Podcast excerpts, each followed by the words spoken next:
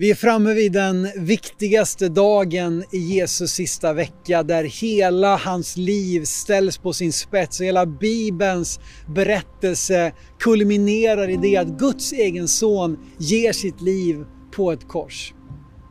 Efter att Judas har förrått Jesus i ett semande trädgård har han förts först till Kajafas palats, översteprästen där judarnas råd har samlats för att under nattens timmar överlägga hur de ska kunna få Jesus dömd till döden så snabbt som möjligt innan högtiden ska fortsätta och folket får veta allt för mycket.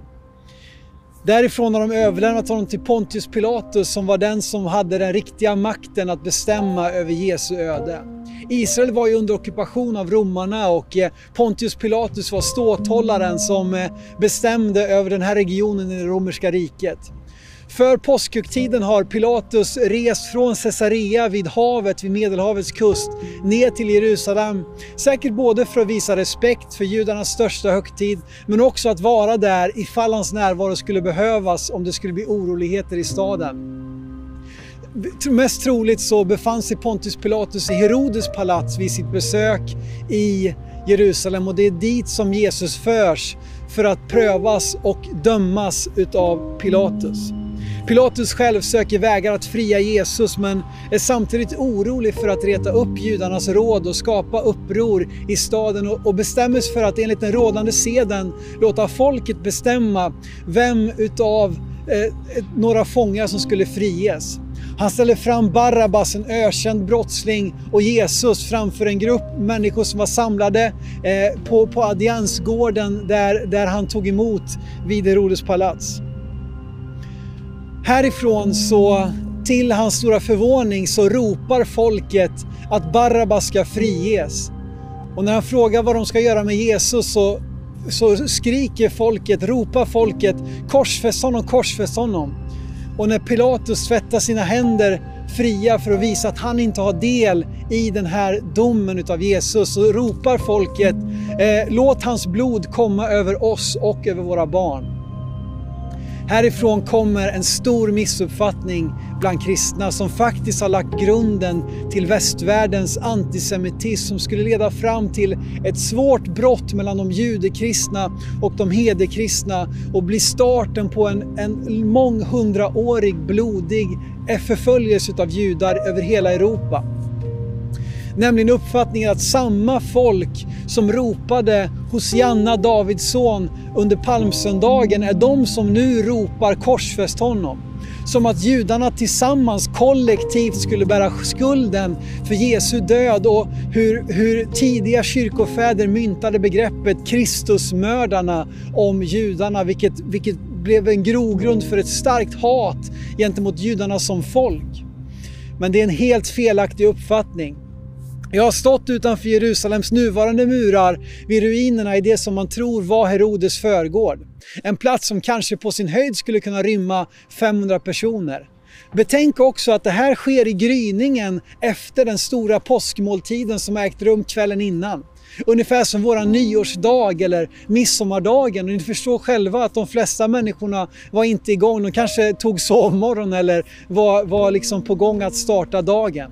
Här har översteprästerna och judarnas råd samlat sina mest trogna efterföljare tidigt på gryn i gryningen för att innan sabbaten skulle inträda senare på kvällen eh, lyckas få Jesus dömd innan folket skulle eh, skapa uppror för att de ville rädda Jesus.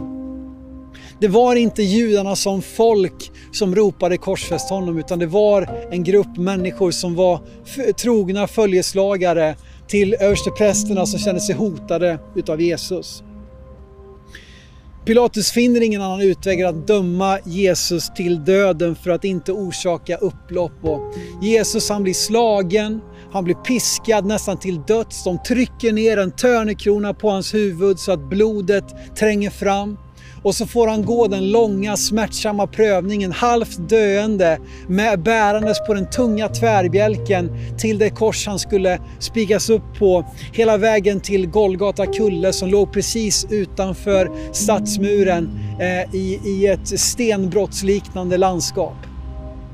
Det här var precis samma kulle som Abraham nästan 2000 år tidigare hade varit redo att offra sin son Isak i förbundet och i, i vördnad för Gud så var han villig att göra det som Gud manade honom till. Men Gud stoppar honom. Men det gav Guden den lagliga rätten att också som förbunds, förbundets andra part vara villig att nu ge sin son i vårt ställe. Vi ska läsa ifrån Lukas kapitel 23 och du får gärna läsa hela vägen från vers 26 till 49 men jag ska bara stanna till vid två versar, vers 33 och 34.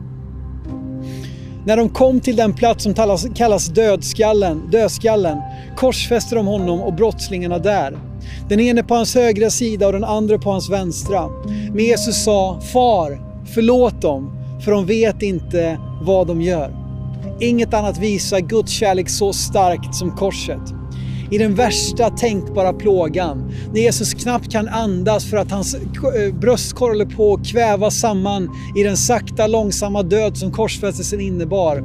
Där har Jesus ändå kärlek till de människorna som har spikat upp honom på korset.